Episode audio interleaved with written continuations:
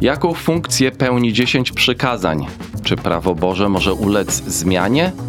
A co z prawami biblijnymi nakazującymi kamienować osoby niemoralne? Na czym polega wolność sumienia? To pytanie, na które odpowiada Westminsterskie wyznanie wiary z 1646 roku, napisane przez ponad 100 najwybitniejszych brytyjskich teologów protestanckich ery nowożytnej i do dzisiaj jest uznawane za jeden z najważniejszych wyznaczników wiary dla prezbiterian i ewangelików reformowanych na całym świecie.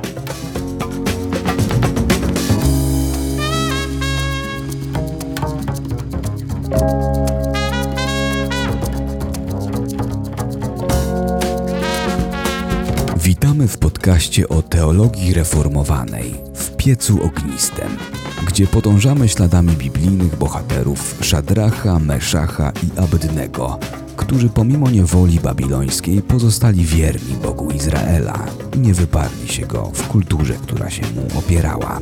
Z poszanowaniem polskiej tradycji i historii szukamy miejsca dla chrześcijaństwa wiernego Słowu Bożemu i wyznaniom wiary przyjętymi przez kościoły reformowane Rzeczpospolitej obojga narodów XVI wieku, dzisiaj częściowo zapomnianych lub źle zrozumianych. Król Dawid w Psalmie 119 wyraża swoje umiłowanie dla Bożego prawa, pisząc: Słowo Twoje jest pochodnią nogom moim i światłością na ścieżce mojej. W teologii reformowanej wyróżniamy trzy rodzaje prawa biblijnego: to jest prawo moralne, prawo obrzędowe i prawo narodowe. Te dwa ostatnie rodzaje prawa, obrzędowe i narodowe, miały zastosowanie w Starym Testamencie. Jedynym prawem obowiązującym chrześcijan pozostaje tak więc prawo moralne, zawarte w dziesięciu przykazaniach. Teologowie reformowani rozróżniali trzy funkcje prawa moralnego. To jest funkcję pedagogiczną, cywilną i normatywną, zwaną także dydaktyczną. Rozdział 19 i 20 wyznania Westminsterskiego omawia rolę prawa i wolności sumienia. I właśnie o tym będę chciał porozmawiać dzisiaj z naszymi gośćmi. Witam Mateusza Kupca, dyrektora wydawnictwa Instytutu Tolelege i autora przekładu Westminsterskiego Wyznania Wiary. Witam serdecznie. Michała Kuzia, politologa i publicystę wykładającego na uczelni Łazarskiego. Kłaniam się. A ja mam na imię Dariusz Bryćko i jestem prezesem Instytutu Tolelege i duchownym Jednoty Litewskiej. To ruszamy, panowie. Kolejne rozdziały wyznania wiary, które Mateuszu dzielnie, wiernie przetłumaczyłeś. I dzisiejszą naszą dyskusję chciałbym rozpocząć takim pytaniem: czy prawo moralne w ogóle obowiązuje chrześcijan? No, możemy tutaj e, wpaść w różne pułapki. Możemy powiedzieć, że nie obowiązuje, co by było jedną pułapką, ale przy powiedzeniu, że obowiązuje, też możemy wpaść w pewną pułapkę i pomyśleć, że możemy być zbawieni przez wypełnianie prawa. Więc prawo moralne, no żeby w ogóle zastanowić się nad tym, e, czy nas dalej obowiązuje, może cofnijmy się do początku i skąd ono się wzięło. Ono już przy samym stworzeniu świata było dane człowiekowi w tak zwanym przymierzu uczynków, o którym mówiliśmy w poprzednich odcinkach. I człowiek przez wypełnienie doskonałe tego prawa miał zyskać sobie życie wieczne. Wiemy, że to się nie udało, że grzech wszedł na świat, człowiek upadł, ale prawo dalej to było doskonałą regułą tego, jak mamy żyć i podobać się Bogu. I Bóg w późniejszym czasie wyraził je w dziesięciu przykazaniach i, jak to mówi nasze wyznanie, wyrył na, na dwóch tablicach, gdzie na jednej podał przykazania czy obowiązki względem niego samego, a na drugiej obowiązki względem naszego bliźniego. I to prawo zostało wypełnione przez Chrystusa. Wszyscy, którzy uwierzyli w Chrystusa jako swojego zbawiciela od grzechu, są przed Bogiem sprawiedliwi i to doskonałe wypełnienie prawa przez Chrystusa jest im przypisane, jakby oni sami je wypełnili. No więc ktoś mógłby powiedzieć, w takim razie ja nie muszę już wypełniać tego prawa, bo zostało jego wypełnienie mi przypisane. Ale jest to błąd, ponieważ został nam też dany Duch Święty, który jest święty i który przemienia nas na podobieństwo Jezusa Chrystusa i daje nam pragnienie, żeby to prawo wypełniać. Czyli prawo funkcjonuje w różny sposób dla ludzi wierzących i dla ludzi niewierzących. I tutaj, tak jak wspominałem w swoim wstępie, teologia reformowana rozróżnia takie trzy funkcje prawa. Czyli ta pierwsza funkcja prawa, która doprowadza nas do zrozumienia tego, jak grzeszni jesteśmy, w jakiej nędzy żyjemy, używając zwrotu z katechizmu heidelberskiego, to jest ta funkcja pedagogiczna. I ta funkcja traci swoją rolę w życiu chrześcijanina, bo on już jest usprawiedliwiony. Tak? Dobrze Cię rozumiem, Mateuszu? E, człowiek e, usprawiedliwiony nie przestaje grzeszyć na, na, tej, na tej ziemi. Przestaniemy grzeszyć po zmartwychwstaniu albo kiedy nasze dusze będą już w niebie. Zależy, co będzie pierwsze. Ale te grzechy go nie potępiają, bo kiedy Bóg patrzy na takiego usprawiedliwionego człowieka, to nie widzi jego grzechów, tylko widzi już Chrystusa, który Dokładnie. był bez grzechu. Dokładnie. Konfesja mówi o tym w ten sposób.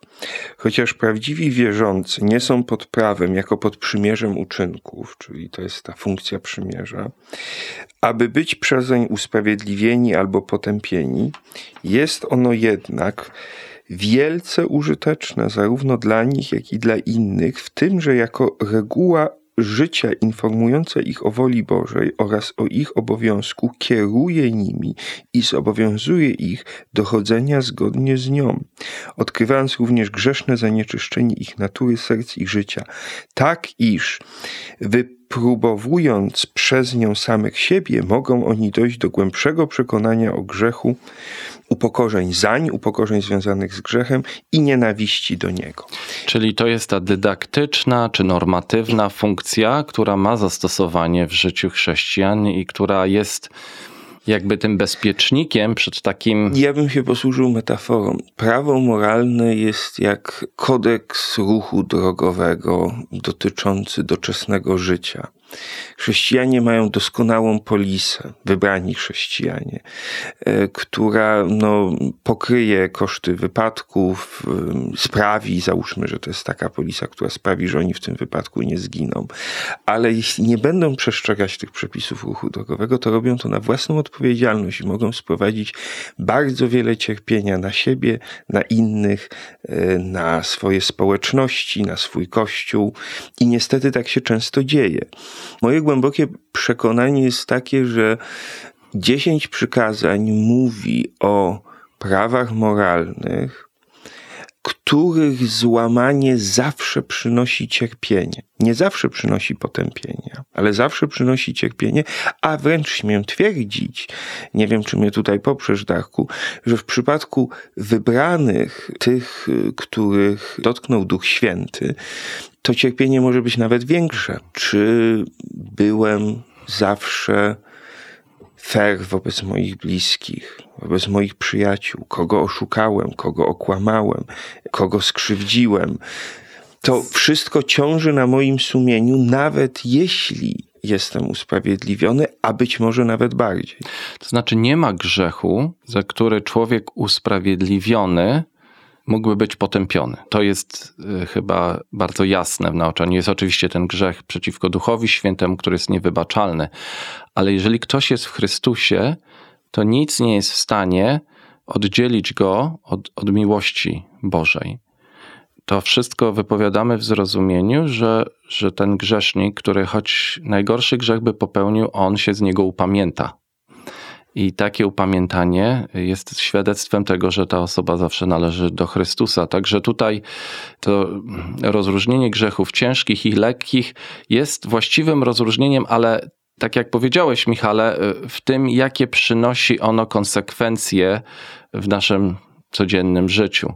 No bo okłamanie kogoś, a nie wiem, zabicie kogoś przynosi o wiele gorsze konsekwencje. Jest to też złamanie, nie wiem, prawa cywilnego w jakiś bardzo znaczący sposób, ale oczywiście grzech jako grzech jest zawsze dla Boga ciężki, bo jest sprzeciwieniem się wobec Jego woli. Tak, i jeszcze nawiązałbym tutaj również do tego, co mówiliśmy o upamiętaniu jakiś czas temu. Wierzący, prawdziwie wierzący, już zaufał Chrystusowi, ale nie przestaje mu ufać, więc to prawo zaprowadziło go niegdyś do Chrystusa i on już przy Chrystusie jest, ale to prawo pomaga mu coraz bardziej się do Chrystusa też zbliżać. I tak jak raz, to chyba ty użyłeś, Darku, tego sformułowania, upamiętał się, można powiedzieć, przez duże U, mhm. To każdy chrześcijanin ciągle będzie grzeszył, choć nie chce grzeszyć i walczy z tym grzechem, to będzie grzeszył i upamiętuje się przez małe U. I wtedy to prawo pokazuje im ten grzech i potrzebę Chrystusa, jaką ciągle mają.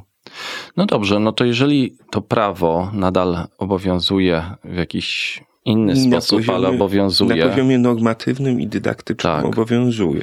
To dlaczego tak wiele kościołów ewangelikalnych nie czyta dziesięciu przykazań? Wiele dzieci wychowanych w kościołach e, ewangelikalnych nawet pewnie nie zna dziesięciu przykazań. Z czego to wynika? Mm, może... Z niewłaściwego zrozumienia tak? Bo wiadomo, że, że, że nawet w tych kościołach, gdzie te dziesięć przykazań nie jest czytanych, czy nie mówi się o nich, no oni nadal według nich żyją. Zachowana jest moralność. Nie ma tak, że w tych kościołach przyzwala się na, na otwarte grzeszenie, ale to jest takie, takie mimochodem. Tak, łączą je chyba chrześcijanie za bardzo no, z prawem mojżeszowym. To prawo moralne było nadane człowiekowi już przy stworzeniu. Tymczasem y, większość chrześcijan zdaje się ograniczać je do praw y, stawiać je, stawiać je na równi z ceremonialnymi i różnymi prawami sądowniczymi Izraela, że one już przeminęły i chrześcijan nie obowiązują. Tymczasem prawo moralne zawarte w dziesięciu przykazaniach zostało wyryte na sercu człowieka już przy stworzeniu i, i dalej w dziesięciu przykazaniach na górze Synaj zostało po prostu kolejny raz sformułowane. Ale istniało to znaczy, już przy stworzeniu. W wielu kościołach ewangelikalnych też nie ma wyznawania grzechów, tak? Także to też, jeżeli nie ma prawa, no to też mówi się, a protestanci nie mają spowiedzi. To nie jest prawdą. Protestanci mają spowiedź, tylko nie mają obowiązku spowiedzi usznej. No bo jeżeli jest to obowiązek spowiedzi usznej do pastora czy księdza, no to też poddaje się pod wątpliwość tego, na ile jest to szczere. My mamy obowiązek od Pana Boga, żeby jemu się spowiadać z naszych grzechów i czasami powinno mieć to formę uszną, e, szczególnie jeżeli ten grzech był względem grzechem publicznym, względem kogoś, e, czy, czy względem całego kościoła, czy, czy złamaniem prawa cywilnego. Tak, i trzeba mieć przy tym świadomość, oczywiście, że wtedy pastor nie jest kimś, kto no tutaj e, dokonuje absolucji z grzechów. Nie jest to. Ja myślę, że są jakby takie. Są takie dwa podstawowe problemy i takie dwa bieguny które powodują, że chrześcijanie zapominają o grzechu, wypierają kategorię grzechu albo przestają, przestają myśleć o dziesięciu przykazaniach. O jednym już tak wspomniałem, to jest acedia, czyli stwierdzenie, że właściwie jestem grzeszny, niewiele mogę na to poradzić i być może już tak bardzo nagrzeszyłem, że, że, że w ogóle nie ma sensu się przyznawać, poprawiać, bo, bo te grzechy już mnie ściągną w dół i tak. A drugi, drugim biegunem jest kwietyzm. Kwietyzm jest stwierdzeniem, że jestem we wszystkich moich grzechach, we wszystkich moich, moich problemach usprawiedliwiony, odkupiony, więc właściwie o co chodzi, mogę robić co chcę i w ogóle nie przejmować się, w ogóle nie zaprzątać sobie głowy grzechem i kategorią grzechu. Ja wiem, że się tutaj posłużę jeszcze jedną metaforą. Każdy z nas ma swoje ulubione grzechy i może to, to mija się z celem w tym podcaście, żebyśmy teraz Jakie o są swoich, twoje? o swoich ulubionych opowiadali. A każdy z nas ma swoje ulubione grzechy, grzechy, które w jego życiu się pojawiają częściej w związku z jego naturą, może jego pracą, może y, trudnymi relacjami, w których jest. I mój problem z moimi ulubionymi grzechami jest taki, że one powodują, że tracę pewną moją równowagę, kiedy je popełniam i słabiej słyszę głos Boga. Jest, one są jakby zakłóceniami. Wyobraźmy sobie, że próbuję nastawić mój umysł jak radio, tak żeby ono odbierało pewne częstotliwości, które są dla mnie ważne, które pomagają mi iść przez życie. Kiedy ja grzeszę, to nie jest tak, że najwyższy ciska we mnie kamieniami, ale przestaję go słyszeć. Pojawia się szum w tym odbiorze, który jest dla mnie tak ważny. I kiedy ten szum się pojawia, pojawia się niepokój, a kiedy pojawia się niepokój, pojawia się możliwość jeszcze dalszego brnięcia w te grzechy i jeszcze większego komplikowania swojej sytuacji duchowej. I to jest ten podstawowy problem i dlatego te dziesięć przykazań jest tak ważnych, bo jeśli nie będziemy na nie uważać, no po pierwsze, no, będziemy sprowadzać cierpienie, a po drugie, nie będziemy słyszeć tego, co Bóg chce nam powiedzieć, bo Bóg mówi wyraźniej do, do tych serc, które starają się być czyste, które go szukają. My szukamy Boga, starając się w miarę swoich, swoich y, y, bardzo ograniczonych ludzkich możliwości wypełniać Jego wolę. I kiedy On widzi, że my go szukamy, On wychodzi nam naprzeciw. Nawet w przypowieści o synu marnotrawnym, ów marnotrawny syn, jednak będąc w zupełnie kondycji moralnej i duchowej, która nie uprawnia go do niczego, ale on podejmuje ten minimalny wysiłek, żeby jednak podnieść się i pójść w stronę swojego ojca. A ojciec wtedy wychodzi mu naprzeciw. Bardzo ładnie to opisałeś. I to wszystko jest możliwe pod warunkiem, że ma się osobistą relację z Bogiem. Niestety boję się, że wiele ludzi wierzących, szczególnie w kościele rzymskokatolickim, który tutaj w naszym kraju ze względu na kulturę skazany jest na wysoki nominalizm, takiego po prostu wierzący, niepraktykujący, takiej relacji nie ma. I oni postrzegają dziesięć przykazań i nawet ten obowiązek spowiedzi usznej, może który czasami wykonują, jako po prostu obowiązek. Ty go nie postrzegasz. Ty przestrzeganie prawa, z tego co powiedziałaś, Michale, nie postrzegasz jako obowiązek, a jako wspaniały przywilej. To tak jakby cieszysz się z tego, że wiesz, co osobie, z którą jesteś w relacji, sprawia przyjemność.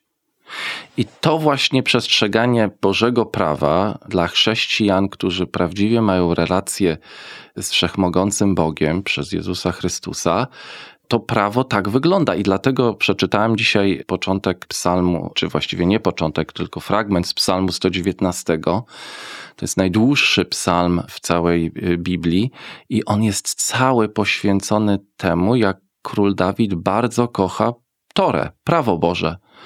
I to jest powtarzane w psalmach, w księgach statystątowych. Miłość do prawa, miłowanie taka, prawa Boga. Taka namiętna miłość, Tak.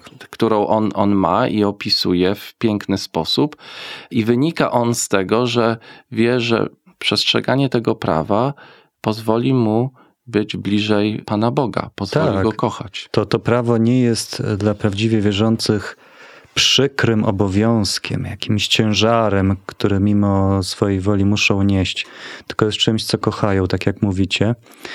No i oczywiście my zmagamy się z grzechem, ale nie dlatego, że właśnie to prawo jest dla nas przykrym obowiązkiem. My kochamy to prawo.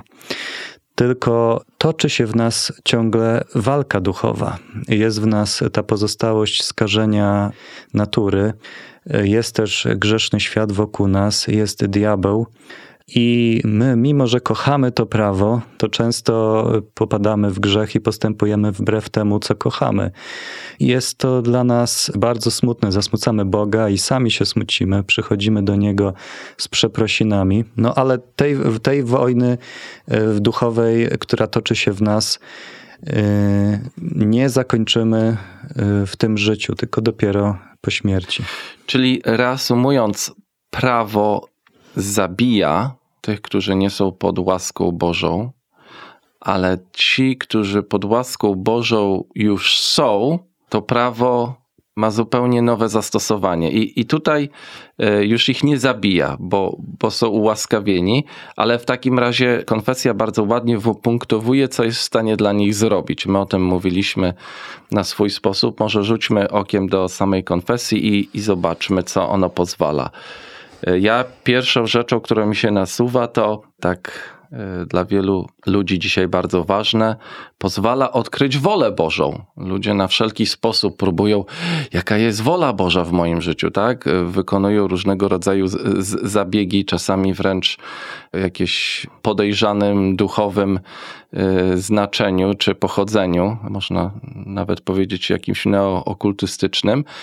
A tutaj odpowiedź jest bardzo prosta. Widziałem nawet takiego mema, że młoda kobieta mówi w tym memie: Chciałabym, żeby Bóg do mnie przemówił. Pastor jej odpowiada: Czytaj Biblię, ale chciałabym, żeby on do mnie przemówił głośno, więc czytaj ją na głos.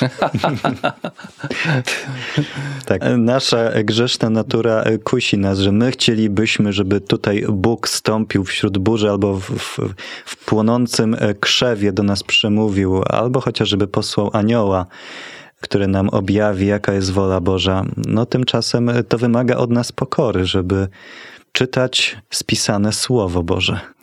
I co ciekawe, my w języku polskim nie posiadamy mm, katechizmu westminsterskiego. Jest większy katechizm westminsterski i mniejszy. Ten, ten większy wyjaśnia dziesięć przekazań w bardzo dogłębny sposób. I kiedy ktoś, kto no, jest w stanie przeczytać, choćby w angielskim oryginale, to jak e, te przekazania są wyjaśnione, to wtedy nie ma już żadnej wątpliwości, wiedząc jak grzeszny jest i jak bardzo musi dążyć do świętości, żeby tą wolę Bożą w swoim życiu odnaleźć. Tak, a dla tych, którzy nie mogą przeczytać w języku angielskim, polecamy przeczytać katechizm heidelberski, który jest dostępny w języku polskim i tam w krótszej formie, ale również w bardzo pomocny sposób te dziesięć przykazań jest wyjaśnione. Czyli kolejnym takim elementem, który prawo Boże, to moralne prawo pozwala nam zrozumieć, to odkrycie tego, jakie są jeszcze w nas niedoskonałości. Takiego głębszego przekonania o, o tym, że musimy dążyć do świętości. Co ciekawe, też mówi o tym, że pomaga nam nienawidzieć. To takie zaskakujące, że Biblia wręcz nakazuje nienawidzić. Czego nakazuje nam nienawidzieć? Grzechu, ale nie grzesznika. Tak. To jest takie powiedzenie, które często się powtarza dzieciom, aby nienawidzieć grzechu, ale nie grzesznika, no bo oczywiście wszyscy jesteśmy grzesznikami, ale ten grzech w sobie i w innych należy nienawidzić i wręcz się brzydzić nim. E, a jednak czasami, tak jak już mówiłeś, Michale, my zaczynamy mieć pewne grzechy, które stają się trochę ulubione. I odniesienie się do tej matrycy, jakim jest Słowo Boże, prawo, zakon, czasami też takie słowo jest używane w tłumaczeniach biblijnych, to pozwala nam przypomnieć sobie i nie mieć tych ulubionych grzechów. No, konfesja też, nawiązując do tej wcześniejszej metafory kodeksu ruchu drogowego, mówi bardzo wyraźnie, że przykazania pouczają nas także, jakich nieszczęść możemy się spodziewać w tym życiu, nawet jeśli jesteśmy uwolnieni od przekleństwa, którym w Starym Testamencie groziło złamanie prawa. Więc no, mówiąc najbardziej obrazowo, biorąc pierwsze z brzegu przykazania mówiące o naprawdę ciężkich przewinieniach wobec bliźniego, może na tych, tych przykładach jest, jest mi trochę łatwiej, dlatego że nie jestem duchownym. Jeśli będziesz kradł, zabijał, pożądał żony bliźniego swego, to twoje życie się skomplikuje, mówiąc delikatnie. Tak, to jest, to jest bardzo istotne, nawet przy rozwiązłości seksualnej, jaka dzisiaj panuje w naszym społeczeństwie. Wręcz tabu jest dzisiaj mówienie o, o chorobach, które są przekazywane drogą seksualną. I, i, I w ogóle jakby mm, wspomnienie tego, że taki styl życia wiąże się z wielkim ryzykiem, jest wręcz y, no, czymś niemoralnym. Czyli jest to zupełnie odwracanie. y, No to w przypadku, to w przypadku ludzi młodszych, natomiast w przypadku ludzi starszych trzeba powiedzieć, bardzo komplikuje, odciąga od pracy właśnie rozwiązłość, mówiąc najkrócej. I jak bardzo komplikuje życie rodzinne, jak, jaki ma negatywny wpływ na dzieci i tak dalej, i tak dalej.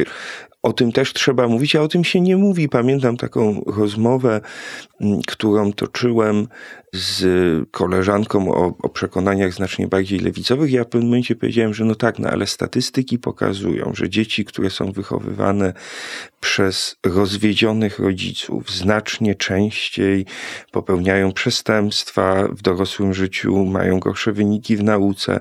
Ona się natychmiast oburzyła i powiedziała: No, ale jak tak można mówić o samotnych kobietach? Pokaż, o, o jakie to chodzi statystyki. Absolutnie wszystkie statystyki jakie by nie wziąć z jakiego kraju. Ja, ja nie byłem może tutaj przygotowany, żeby mieć liczby przed sobą podczas tej konkretnej rozmowy, ale tak po prostu jest. To nie znaczy, że my w jakikolwiek sposób umniejszamy ogromny trud, jaki biorą na swoje barki samotni rodzice, zwłaszcza samotne matki. To nie znaczy, że w jakiś sposób je deprecjonujemy. Natomiast samotne wychowywanie dzieci jest bardzo ciężkim krzyżem i często nie kończy się dobrze dla tych dzieci, a często wynika właśnie z tego, że ludzie nie potrafili dostrzec tego, co my chrześcijanie nazywamy grzechem odpowiednio wcześnie i temu przeciwdziałać. Wchodzisz tutaj w bardzo ciekawy też obszar tego, że prawo moralne nie jest prawem obowiązującym tylko chrześcijan, a jest prawem, które obowiązuje wszystkich, ponieważ wynika z natury. I teraz te kwestie na przykład moralności czy obyczajowości, które dzisiaj są poddawane, ja nie muszę powiedzmy tutaj y, być zwolennikiem tradycyjnie zrozumianego małżeństwa między jednym mężczyzną a jedną kobietą, tylko dlatego, że jestem chrześcijaninem. Ja mogę argumentować to przekonanie, pomijając dziesięcioro przykazań i Biblię. Mogę po prostu argumentować z prawa naturalnego. I wydaje mi się, że jest to też istotne w naszych y, rozmowach y, z ludźmi, z którymi się nie zgadzamy, bo takie podejście, bo Biblia mówi, bo Biblia mówi, no ale dla tej osoby Biblia nic nie znaczy. To, że nie znaczy, nie znaczy, że jest nieważna, ale argumentem, którym możemy się posłużyć, jest ten argument prawa naturalnego. Dobrze, pozwólcie, że, że przekieruję nas teraz, bo to prawo, które tak razem z Dawidem chcemy miłować i być mu posłuszni, pomimo że nie jesteśmy do końca w stanie, jest też czymś, co chroni naszą wolność chrześcijańską. Król Dawid tutaj jeszcze malutka dygresja. Król Dawid jest świetnym przykładem, w ogóle takim przykładem archetypicznym człowieka, który miłuje prawo, a łamie je właściwie w każdy możliwy sposób, łącznie z tym, że dopuszcza się cudzołóstwa, którego potem prowadzi do zabójstwa. I zgodnie z tym, co mówi konfesja westminsterska, spotyka go straszne nieszczęście w związku z tym zapowiedziane mu przez proroka. Jedno z najstraszniejszych nieszczęść, jakie można sobie wyobrazić. Prorok zapowiada mu, że jego dziecko, które urodzi mu Berszeba, jego synek umrze i umiera. I to pięknie obrazuje to, o czym mówimy, że chrześcijanie to nie osoby doskonałe, ale osoby z pewnego rodzaju taką, to, to nie wiem, jakiś psycholog mógłby określić jako pewna schizofrenia. My dążymy do doskonałości, której wiemy, że nie możemy osiągnąć. Ale to nie jest schizofrenia, bo wiemy, że ją duchowo osiągniemy w Jezusie Chrystusie w momencie śmierci i, i że w przyszłości, po zmartwychwstaniu, my będziemy doskonali. A teraz zmierzamy i tęsknimy za tą doskonałością, którą objawił nam Chrystus. Niemniej dla człowieka patrzącego z boku może wydawać się to niezrozumiałe. A dla niektórych, którzy w tej walce z grzechem się poddają, no po prostu y, stają się hipokrytami. Myślę, że największa różnica między świecką moralnością i etyką w świeckiej, niereligijnej filozofii jest taka, że ona zakłada, że my na podstawie tego, kim jesteśmy z natury, nadajemy pewne kategorie moralne. Człowiek ma prawą i lewą rękę. Prawda i fałsz, dobro i zło jest wręcz związane z naszą cielesnością. I jesteśmy jak taki statek kosmiczny, który przemierza taką pustkę zupełną i, i, widzimy różne rzeczy. I w zależności od tego, tu starożytny filozof Parmenides mówił homo mensura, człowiek jest miarą. W zależności od tego, jak my postrzegamy to, co dla nas jest dobre i złe, to nadajemy kategorie moralne, no, w oparciu o pewną, pewną teorię tego, kim jesteśmy, ale mimo wszystko w tym jest pewna arbitralność. Moralność chrześcijańska zakłada, że tak, człowiek stosuje swój rozum i swoje zrozumienie tego świata i też swoje potrzeby w nadawaniu pewnych kategorii moralnych, ale gdzieś tam w oddali jest głos, który mu w końcu odpowie. Ta nasza intuicja moralna nie jest zupełnie znikąd. My nadając kategorię prawdy i fałszu oraz moralności i niemoralności do kogoś tam mówimy i ten ktoś nam w końcu odpowie. Ta doskonałość, o której mówisz, Darku, w pewnym momencie wyjdzie nam naprzeciw. I to jest zbawienie. Tak, to nie są e, rzeczy tylko w sferze jakiejś sentymentalnej psychologii. To są religia chrześcijańska jest religią zmartwychwstałego Jezusa, który w tym zmartwychwstałym ciele się objawił i udowodnił, jest to historycznie potwierdzone, że, y, że grób jest pusty i że to, czego oczekujemy, już miało miejsce w Chrystusie i będzie też miało miejsce wśród tych, którzy Jemu zaufali. Chciałbym wrócić na chwilę teraz jeszcze, zanim skończymy, do mowy o wolności chrześcijańskiej, bo to jest kolejny bardzo duży temat, którego dzisiaj w pełni nie omówimy, ale który wiąże się, bo Ewangelicy reformowani z jednej strony kochają prawo Boże i starają się go przestrzegać, a z drugiej strony e, mają fioła za przeproszeniem na punkcie wolności sumienia. Na czym ta wolność sumienia reformowana polega?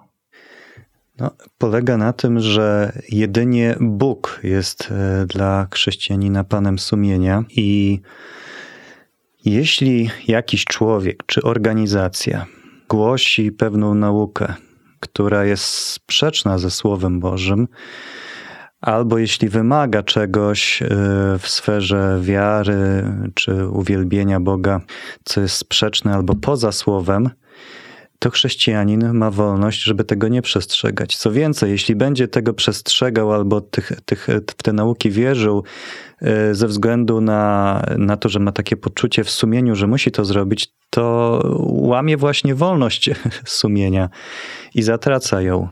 Więc na, na przykład e, mówiliśmy o dziesięciu przykazaniach.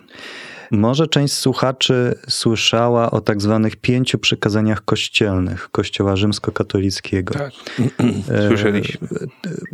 Może krótko przypomnę. Pierwsze przykazanie brzmi, no ja będę je parafrazował, żeby w święta nakazane uczestniczyć we mszy świętej żeby przynajmniej raz w do, roku przystąpić do sakramentu pokuty, przynajmniej raz w roku przyjąć komunię, żeby zachowywać nakazane posty, wstrzemięźliwość od pokarmów mięsnych, powstrzymywać się w określonych czasach od zabaw, no i troszczyć się o potrzeby wspólnoty Kościoła.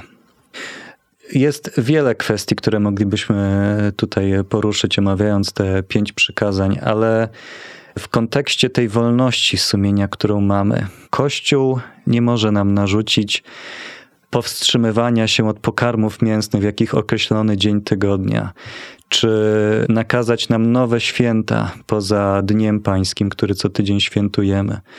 Jest to e, narzucanie na nasze sumienie rzeczy, w których jesteśmy wolni i tylko Bóg jest tutaj naszym Panem i nie mamy obowiązku przestrzegać takich przykazań. I w tradycji prezbiteriańskiej to się wiąże z odrzuceniem kalendarza liturgicznego.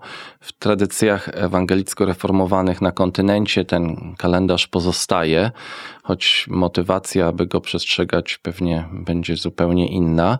Niemniej na pewno tutaj to, to to protestanckie, reformowane sumienie jest takim miejscem, do którego ma wstęp tylko Pan Bóg. Jeżeli chrześcijanin wyczuwa, że czy władza kościelna, czy władza państwowa chce to sumienie w jakiś sposób związać, czy to nieodpowiednią przysięgą, czy to nieodpowiednim ślubem, czy jakąś tradycją sprzeczną z Pismem Świętym, wtedy taki chrześcijanin się usztywnia.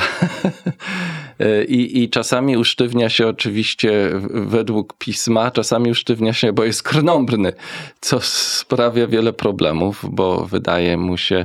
Oczywiście ja, ja tutaj wyprzedzam i, i, i wiem, że. Y, dla niektórych to jest taka podstawa do tego hiperindywidualizmu, który dzisiaj mamy, tak? Że, że ta wolność sumienia protestancka spowodowała, że dzisiaj każdy tą wolność rozumie tak jak chce, ale to nie było ani założenie, ani właściwa praktyka tego prezbiteriańskiego zrozumienia wolności sumienia. Tak, ani władza kościelna, ani władza państwowa, które obie to władze ustanowił Bóg, nie są sprzeczne z wolnością naszego sumienia. Te władze oczywiście mogą nadawać prawa, które są wbrew Bogu, i wtedy nie mamy obowiązku, a nawet nie powinniśmy przestrzegać takich praw, czy wierzyć takim naukom sprzecznym ze Słowem Bożym, ale kiedy władza kościelna albo państwowa działa zgodnie z Bożym prawem, to jesteśmy winni jej posłuszeństwo, ponieważ są one nadane przez Boga, a Bóg ustanowił właśnie zarówno je, jak i też dał nam wolność w Chrystusie. I te dwie rzeczy nie są ze sobą sprzeczne, ale jak to mówi konfesja, mają się wzajemnie podtrzymywać i zabezpieczać. Musimy bardzo wyraźnie zdawać sobie sprawę z tego, co jest nakazem boskim, a co nie jest. Jeśli coś nie jest nakazem boskim, to oczywiście nie znaczy, że natychmiast musimy to odrzucić. Wspominaliśmy na przykład o świętach, więc mm, oczywiście w Piśmie Świętym nie ma mowy ani o Wielkanocy, ani o Bożym Narodzeniu. Co nie znaczy, że natychmiast bałwochwalstwem jest ustawienie gdzieś choinki, ale dlatego, znaczy, że na podobne... bałwochwalstwem, gdyby tą choinkę ustawić w kościele. Tak, gdyby ją ustawić w kościele. Ale w domu? Jeżeli ktoś ma taką ochotę, to tak, może oczywiście. i choinkę, i palmę. I... Co, co tutaj jakby estetycznie w jego domu mu, mu się podoba. Na podobnej zasadzie y, przecież Pismo Święte nie mówi o tym, że należy obchodzić urodziny, a zwykle obchodzimy urodziny swoje i swoich dzieci. Jako święta rodzinne. Ale jeżeli ktoś w kościele nie chce tych urodzin obchodzić, ma też do tego pełne Absolutnie. prawo. Podobnie i z postem. Jeżeli ktoś chce w okresie, powiedzmy, adwentowym pościć, ma do tego prawo. Ale jak, nie ma prawa patrzy... tego narzucać innym, albo chwalić się tym, albo, albo wymazać czoło popiołem, mówiąc, że i, i ja poszczę, tak? Wiesz, tak, jak ja tak porównam takiego typowego Szweda z typowym Grekiem czy, czy Włochem, to ja nawet myślę, że, że protestanci trochę bardziej poszczą. No cóż, dochodzimy do końca naszego kolejnego odcinka. Rozmawialiśmy dzisiaj o prawie Bożym i troszeczkę o wolności chrześcijanina. I y, mam nadzieję, że pomoże to naszym słuchaczom do zrozumienia i do czytania Słowa Bożego i oczywiście zaproszenia wszystkich do kolejnego odcinka.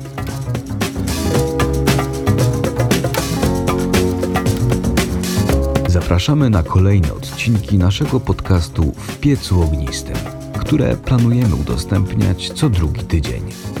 Zapraszamy także do odwiedzenia księgarni internetowej Instytutu Tolelege, gdzie można nabyć kopię westminsterskiego wyznania, a także inne wartościowe pozycje dotyczące teologii i historii kościołów pragnących pozostać wiernymi Biblii w dzisiejszej kulturze.